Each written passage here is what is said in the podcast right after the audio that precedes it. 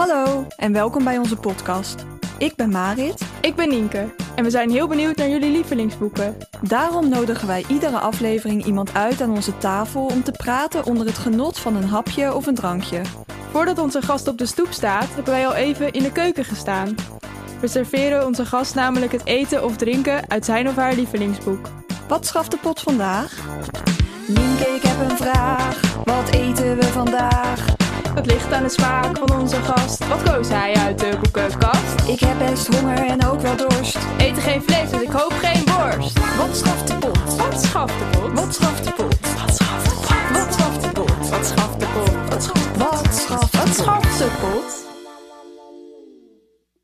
Pudding uit forelvissen in Amerika met Joost Ome. Een alternatief recept voor walnotenketchup. Dit is een mini-kookboek voor forelvissen in Amerika. Alsof forelvissen in Amerika een rijke gourmet was en Maria Callas zijn vriendin en alsof ze samen zaten te eten aan een marmeren tafel met prachtige kaarsen. Appelkompoot. Neem een dozijn gouden pippelingen, schil ze netjes en verwijder de klokhuizen met een pennenmesje. Breng ze in water even aan de kook. Neem wat van het kookwater, voeg er een beetje suiker aan toe, plus een paar in partjes gesneden appelen en laat het geheel inkoken tot het stroperig is geworden. Overgiet de pippelingen hiermee en garneer ze met gedroogde kersen en geraspt, geraspte citroenschil. Zorg dat de pippelingen niet stuk koken. En Maria Callas zong van forelvissen in Amerika terwijl ze samen appels verorberden. Een bodem voor heerlijke pasteien. Smelt 6 pond boter in 4 liter water. Room af in 12 pond meel met zo min mogelijk water erbij. Goed mengen en blijven kneden tot het deeg is afgekoeld. Geef er daarna de gewenste vorm aan.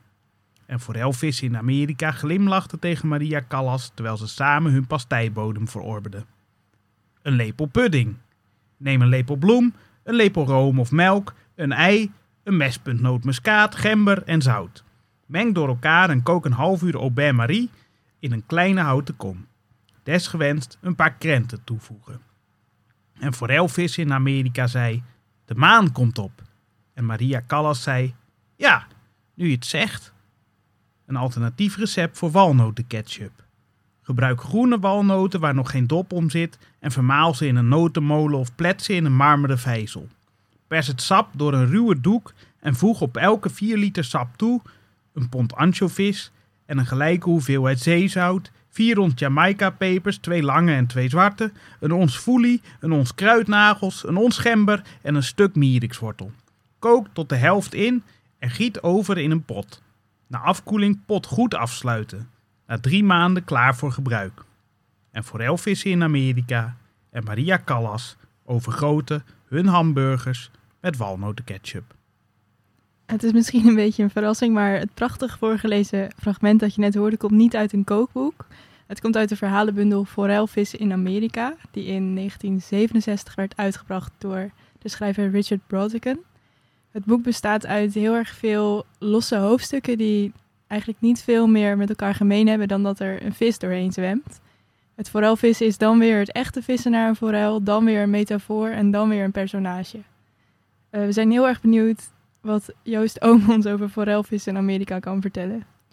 En Joost Ome werd in de eerste aflevering van De Slimste Mens door Philip Freriks omschreven als de dichter en schrijver die dol is op entertainen. Astrid Kersenboom is zijn tante. Zit het quiztalent in zijn genen? Inmiddels kunnen we inderdaad stellen dat het quiztalent in zijn genen zit, want hij schopte het tot de finale en is nu beroemd door heel Nederland. Nou. Hij schreef het boek Het Perenlied en heeft ook poëziebundels en een novelle op zijn naam staan en werd dit jaar uitgeroepen door de Volkskrant tot literair talent van het jaar. Hij treedt ook op met de band Kruidkoek en maakt hele vrolijke voorstellingen waarbij hij teksten voordraagt onder begeleiding van muziek en af en toe gooit hij met fruit naar het publiek. Deze voorstelling sluit dan ook goed aan bij zijn levensmissie: de wereld een stukje vrolijker maken.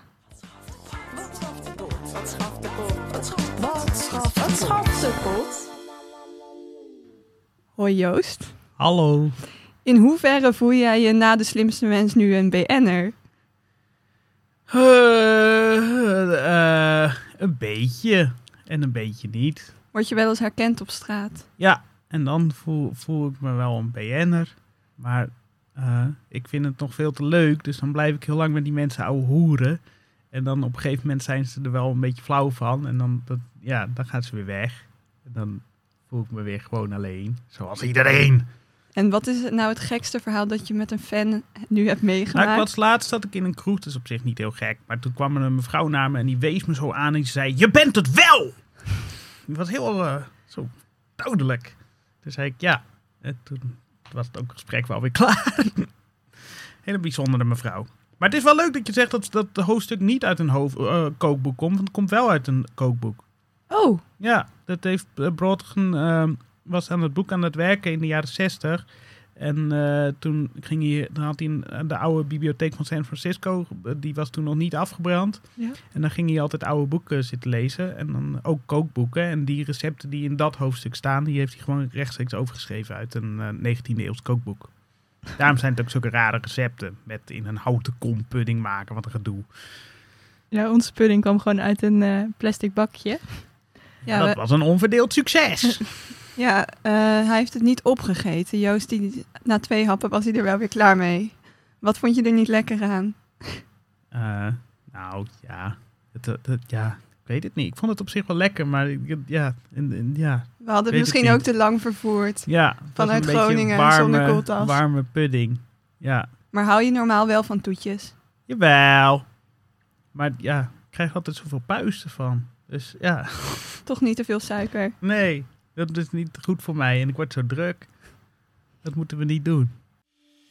De doorgeefvraag? De doorgeefvraag. De, doorgeef, de doorgeefvraag. We hebben iedere aflevering een eh, doorgeefvraag. En dit keer komt die van Eva van Manen. En die vroeg zich af welk personage uit een boek jou het meest heeft geïnspireerd. Ja, dat is een goede vraag. En het is een beetje, ja, is het de vraag, moet ik het beantwoorden als schrijver mij heeft geïnspireerd? Van ik wil ook zoiets maken. Want dan is het, dan, dan, dan, dan, dan is het eh, de- bijvoorbeeld die, die, Divine, Divine. Ja, het is een beetje ingewikkeld, want het Frans boek. Maar ik denk dat het wel Divine was van, van eh, eh, In Onze Lieve Vrouwen van de, Bloe- van, van de Bloemen. Eh, heel mooi boek eh, van Jean Genet. Eh, en, en dat is een heel wilderig personage in een heel wilderig boek met een heel wilderige stijl. En ik vond dat heel erg mooi. Eh, dus eh, dat heeft me ook wel geholpen om mijn eigen werk te kunnen maken. Maar ik wil niet zoals dat personage leven. Want het is wel heel erg aan de zelfkant van de maatschappij. Allemaal heel veel ellende en eh, hoeren, lopen en allemaal gedoe en drank. En, en, en ja, dat, dat is helemaal niet handig. Maar voor mij persoonlijk, ja, ik moet ook wel eens slapen. Eh, dus dat, dat, dat dan maar niet, maar wel als, als, als schrijver. En als persoon zelf? Ja, dat weet ik dan niet zo goed. Want ja, ik wil ook gewoon gelukkig leven, maar die heb je niet zoveel in boeken. Eh, mm, Misschien moet je het personage zelf nog uitvinden. Misschien het personage Panda in eh, Het leven is verrukkelijk. Dat, Oh dat lijkt me wel relaxed. Maar ja, ja, ja, is dat nou zo? Is dat nou zo? Ik weet het allemaal niet zo goed. Oké. En in uh, Forelvis in Amerika gaat het hoofdpersonage in het begin van het boek liften. Heb jij al een keer gelift? Ja, nou, eh, oh, wat een leuke vraag. Ik ben wel eens naar gaan liften en dat was altijd wel gezellig. Naar Brugge ben ik een keer gelift. Dat is ook En was leuk. het dan voor een vakantie of gewoon voor... Nee, ja, nou, ja, we hadden het net over de, die geweldige studie Nederlands die we alle drie dan hebben gedaan, toch? Ja, in Groningen? in Groningen. En toen ging er zo'n zo'n studiereisje ging naar Brugge met de stu- studievereniging. En de rest ging allemaal met een bus. Maar ik had dan samen met drie vrienden bedacht, wij gaan in twee teams liften. En wie dan het eerste is. Had je gewonnen? Wij hadden gewonnen. En het ging heel goed. We hadden allemaal leuke liften van eh, allemaal interessante mensen. En weet je nog wat voor mensen dat waren? Ja, wat waren dat nou allemaal voor mensen? Twee Belgen die we niet konden verstaan. En toen was ze, die, die praten heel plat Vlaams. En die hadden een groot probleem. Want er was een vulkaan uitgebarsten op IJsland. Was, dat was dat weekend. En toen konden er geen vluchten eh, er zijn. En ze hadden allemaal eh, collega's in Congo. En die konden niet meer terug. Het was allemaal ge, geglazer. Dus eh, eh, ja, die waren de hele tijd aan het telefoneren. Maar ook een meneer die op de grote vaart had gevaren en er allemaal verhalen van had. Dat hij een keer bij een reggae-festival was geweest in Brits-Guinea of zo. Ik weet niet, bestaat dat land nog? Maakt ook niet uit. In ieder geval, uh, dat was heel leuk geweest. Maar toen kwam hij terug op het schip en toen kreeg hij direct op zijn donder van de kapitein. En toen dacht hij wel, hoe de fuck weet de kapitein dat ik daar was? Maar blijkbaar was dat op, was maar één tv-kanaal in dat land. En daar werd dat festival op uitgezonden. En er was maar één uh, lange uh, witte uh, jongen die boven de rest van het publiek uitstak. dat was hij. Dus die werd direct gesnapt door zijn kapitein die toevallig tv zat te kijken. Die mocht eigenlijk niet van het schip af. Straf. Moest hij het dek schrobben. Dus je hebt wel inspirerende mensen ontmoet op je liftavontuur. Oh, zo inspirerend.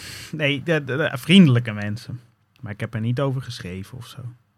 Nee. Ja, en je kunt dus liftend op vakantie gaan. Maar een deel van de verhalen in dit boek uh, speelt zich ook af op een camping in Amerika.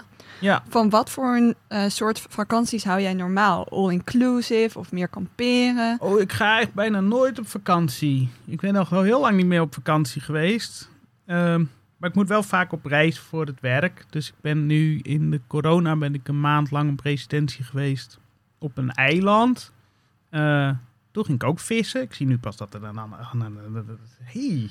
Uh, maar uh, uh, dat was heel leuk. Want toen wat, dat was midden in de corona. En waren ver, voor de rest dus geen toeristen op dat eiland. Was ook een heel gezeik om er te komen. Want dan moet je eerst naar Rome zien te komen. En dan met de trein. Over welk van, eiland hebben we het eigenlijk? Ja, wacht, wacht, wacht. met de trein van Rome naar Milazzo. En dan denk je, maar dat kan niet Joost, want Milazzo ligt op Sicilië. Maar de trein gaat op een boot. Dat is een nachttrein, dus dat is heel leuk. Dan ga je zo s ochtends vroeg, kom je dan aan bij het zuidelijkste stukje van Italië. En dan mag je zo met de, nachttrein, met, met de boot en de nachttrein naar de overkant. En dan rij je nog een stukje.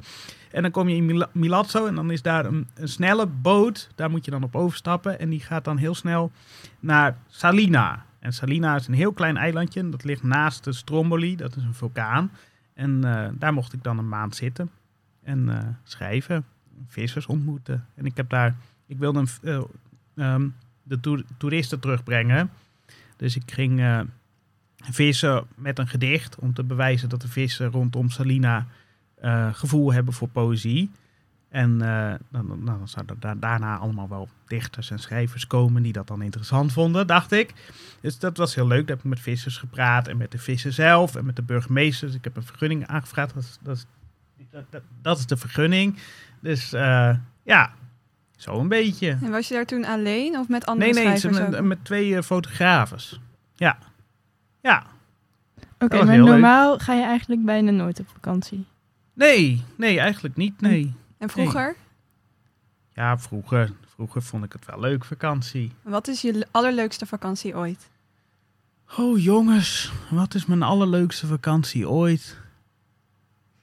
Uh, uh, weet ik niet zo goed. Ik denk naar Midden-Amerika vond ik heel leuk. Daar was het lekker warm.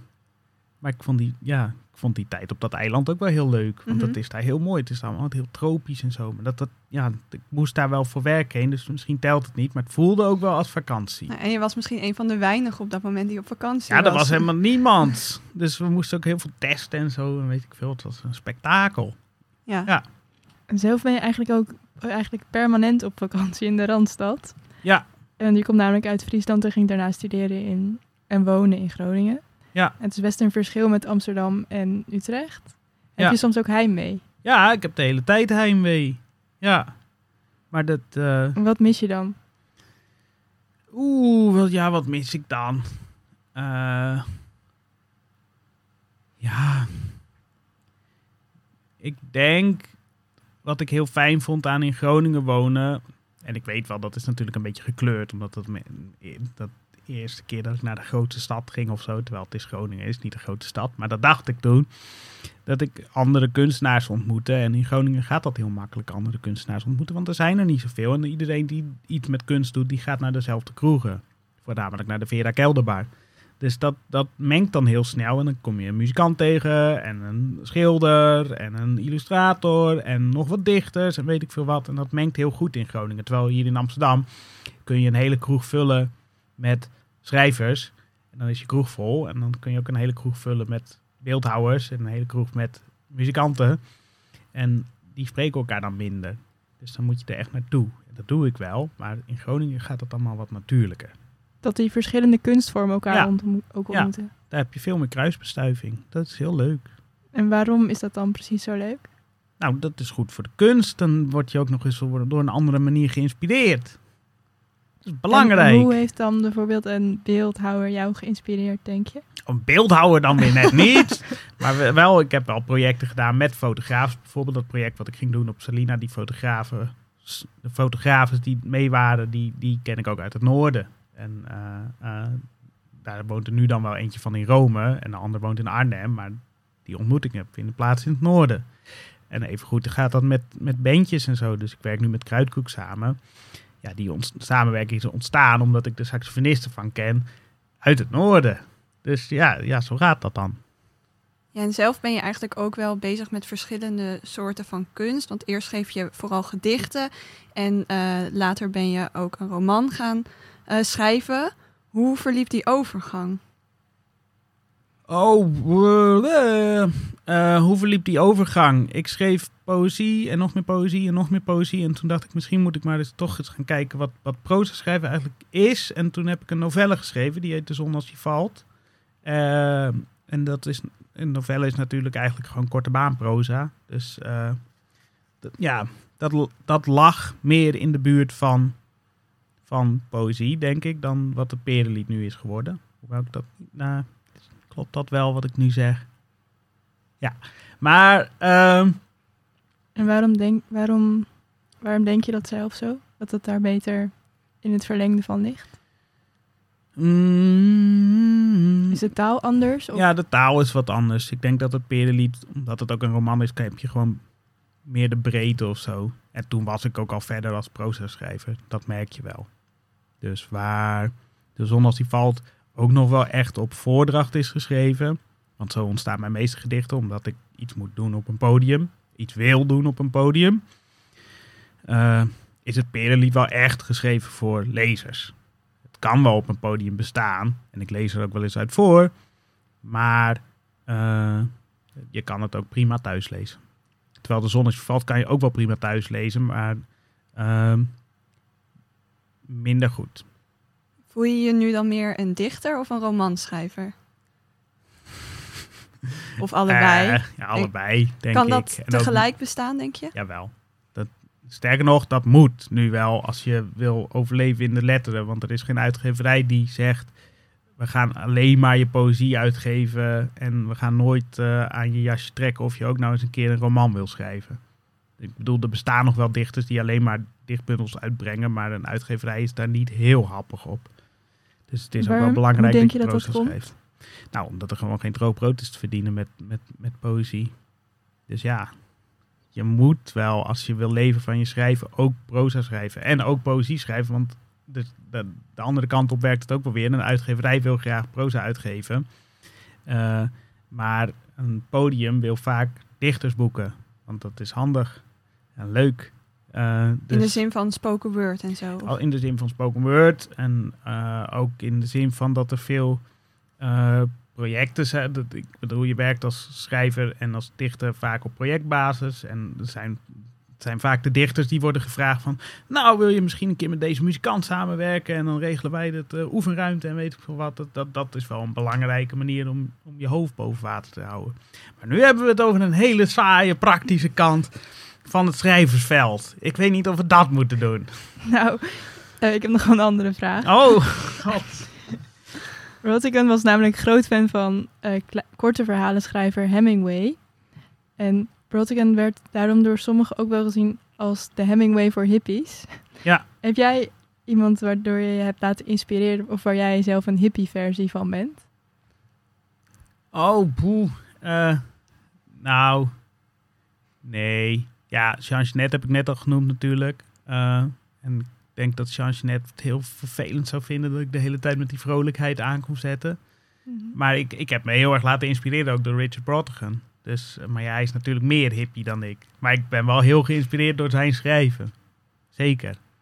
Maar ik weet, het, dat is ook wel leuk, want Richard Brautigan, die, die, natuurlijk, hij is eigenlijk net de overgang tussen hippie en de beat poets. Dus eh, de, de, hij kwam ook zo net, zo net nog eind jaren 50 in San Francisco aan. En eh, hij- toen hij ging schrijven, toen waren er nog helemaal geen hippies. Hij is een beetje geclaimd door de hippies. Ehm, maar dat is ook wel gek, omdat dan de echte beat poets, zoals Ginsberg en zo, maar ook Kerouac en eh, dat soort lui, die hadden een beetje een hekel aan Brotherton. Dus hij hoorde er wel bij, maar ze pesten hem ook echt een beetje, omdat het ook echt een hele, het, is een heel Billy. Hij kwam ook uit het, uit het noorden eh, en kwam hij daar aan en hij werd echt een beetje ge- geplaagd en gepest van eh, je bent een maloot. Word jij ook geplaagd omdat jij nee, dit noorden helemaal komt? niet. Maar Maar verder ben je eigenlijk gewoon een, een eh, Nederlandse Richard Brotherton. dat zou ik zeer eervol vinden als iemand dat over mijn, mijn werk zegt. Eh, maar eh, ja, ik hoop niet dat ik helemaal zo ben, want hij heeft zich aan het eind van zijn leven door zijn kop geschoten. Dus dat eh, ben ik niet van plan te doen. Maar ja, zijn, zijn manier van schrijven en ook wel zijn manier van leven inspireert me wel. Heb je ook een Nederlandse schrijver die jou heel erg inspireert? Eh, ik heb heel veel Sieber Polet gelezen. Dat vind ik heel mooi. Uh, ik heb net een stuk geschreven over Johnny van Doorn. Nu weet ik niet of ik zijn poëzie het geweldigste van de wereld vind. Hoewel ik hem wel een goede schrijver vind. Uh, maar ik ben wel heel geïnspireerd door zijn manier van de echt heel veel optreden, door het land reizen, op de meest gekke plekken voordragen. Uh, dat vind ik wel heel mooi.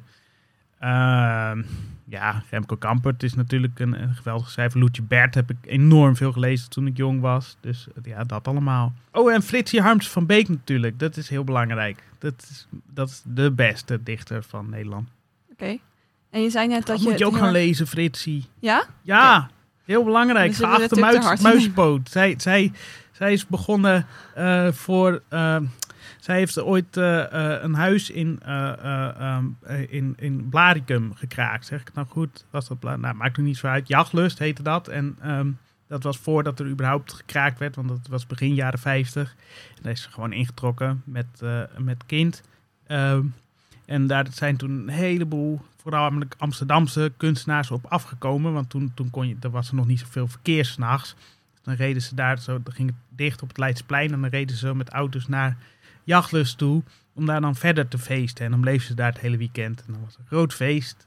Ja, dat vind ik heel mooi. Maar haar schrijven is ook echt geweldig. Dat is eigenlijk nog het, echt het allerbeste. Want dat is ook dat, dat heel wilderige, fantasierijke. Ook een beetje in het verlengde van Jean Genet. Dus ga dat lezen. Oké. Okay. En je noemde net een, uh, een dichter die dan heel veel optrad, wat je heel erg inspireert. Vind je het zelf ook heel leuk om op te treden dan? Ja, ik vind dat echt ongeveer het allerleukste van werkzaam zijn in de cultuur. Dat je ergens naartoe mag gaan. En dan met allemaal andere mensen die je nog nooit hebt gezien.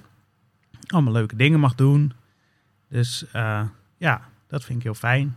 Vorige week moest ik nog optreden op een soort met de dorpsfeesten van Valkenswaard. Ik was nog nooit in Valkenswaard Waar geweest. Ligt dat? Ja, dat ligt dus zo'n beetje dat stukje Brabant wat aan Limburg grenst. En dat, uh, ja, dat was heel leuk. Daar ging ik een show doen samen met mijn beste vriend. Die show heet O Ratelslang Geil Beest. En als mijn beste vriend is dan dood. En dan gaan we, ga ik hem soort met bewenen. Maar hem ook samen met het publiek tot leven wekken. Dus mensen moeten dan geiten nadoen. En voeten wassen. En de prei aaien en zo. En de mensen doen dat heel braaf. Ik ben dan ook een beetje dwingend. Uh, en ja, dat, dat, is, uh, dat is heel leuk. Als je dat dan mag doen met wildvreemde mensen in Valkenswaard. En dat ze het dan ook nog doen. Ja, ze zijn heel braaf. Ik had uh, ook een soort met twee enorme Hells Angels. Eentje met een baard en zo. En die moesten voor mij een geit nadoen. En dat deden ze heel goed. Heel hard, zo bah. vriendelijke, vriendelijke mannen. Het is wel ook een goed voorbeeld van hoe jij een beetje vrolijkheid in de wereld brengt. En veel mensen worden dan ook vrolijk van jou. Dat bleek ook wel uit de reacties op de slimste mens. Maar van wie word jij vrolijk?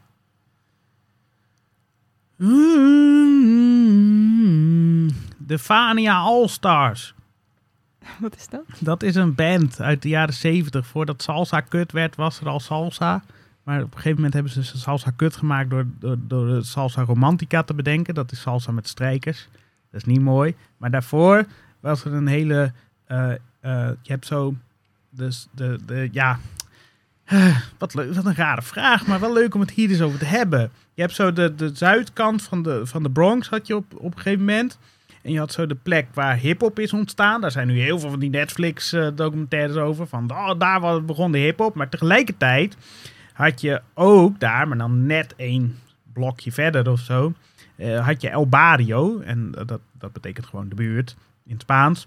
Maar daar kwamen heel veel immigranten terecht van alle Spaanstalige landen. Dus Puerto Rico kwam er veel vandaan, maar ook Cuba en ook verder weg, Venezuela, weet ik veel.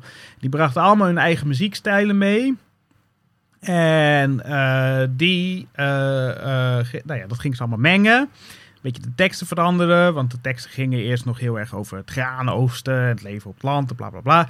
Toen gingen de teksten echt over leven in de grote stad, eh drugsproblematiek, eh, nou ja, de, heftigheid van het leven in een verpauperende wijk. Eh, gangs ook. En nou ja, dat, dat gingen ze opnemen. En de Vania Allstars is dan net een band die is ontstaan door alle grote sterren van Vania, dat is het platenlabel waar ze bij zaten, bij elkaar te gooien in een band. En die band is heel beroemd geworden. Dat is de Kijker Band. Ja, het enige probleem is, is dat La Lupe er niet bij zit. La Lupe is namelijk de beste zangeres van de hele salsa ongeveer. Eh, de- die zit er dan niet bij, want die zat net bij een andere uitge, eh, ehm, hoe heet Label. het? Eh, label, dankjewel. Eh, maar die, die, die is dan weer het allerbest. Dat is ook te gek. Die, die was namelijk bezeten. Die ging zichzelf ook, eh, toen ze nog op Cuba als de, eh, jong meisje optrad, ging ze zich ook bijten tijdens haar optredens. Is zichzelf bijten. Dat is toch en niet tegen de, tegen de muur gooien. Ja, maar ze was echt helemaal bezeten. En, leuk nu, bruggetje. Eh, Hemingway was fan van haar. Hemingway zat dan op het eiland en die ging naar La, La Lupe kijken. Oké, dus als mensen vrolijk willen worden, moeten ze dit een keer opzoeken. Ja, de Vania Allstars zijn wel echt vrolijk. La Lupe is ook veel pijn, eh, heftigheid, maar ook wel heel vrolijk. Ja, gewoon heel intens. De doorgeefvraag. De doorgeefvraag. Oké, en we hebben dus de doorgeefvraag. En volgende gast is Titia Hogendoorn. En nu vroegen we ons af, wat voor vraag heb jij voor Titia Hogendoorn? Ja, ze, ze- ze- ik, ik las dat ze eh, actrice is. Eh, dus mijn vraag was, lees je wel eens iets, een gedicht of een romanfragment, hardop voor? Voor jezelf of voor iemand anders? En zo ja, wat dan? Nou, een hele leuke vraag. Ja, Heel erg bedankt voor het interview. alsjeblieft.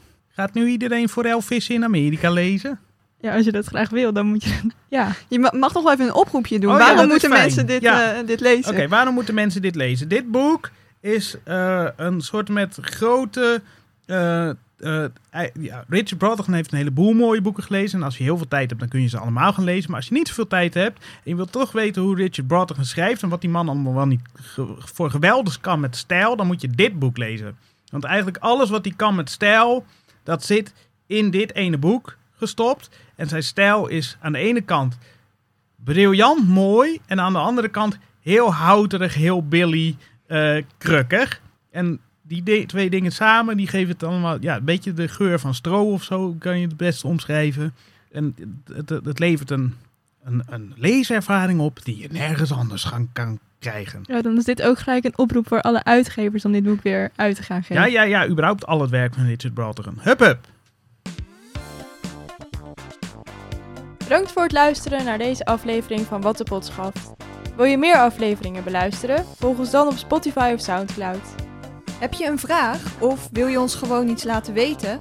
Stuur dan een mail naar wattepodschaf.gmail.com. Tot de volgende keer! Wat schaft de pot? Wat schaft de pot? Wat schaft de pot? Wat schaft de pot? Wat schaft? Wat schaft de pot?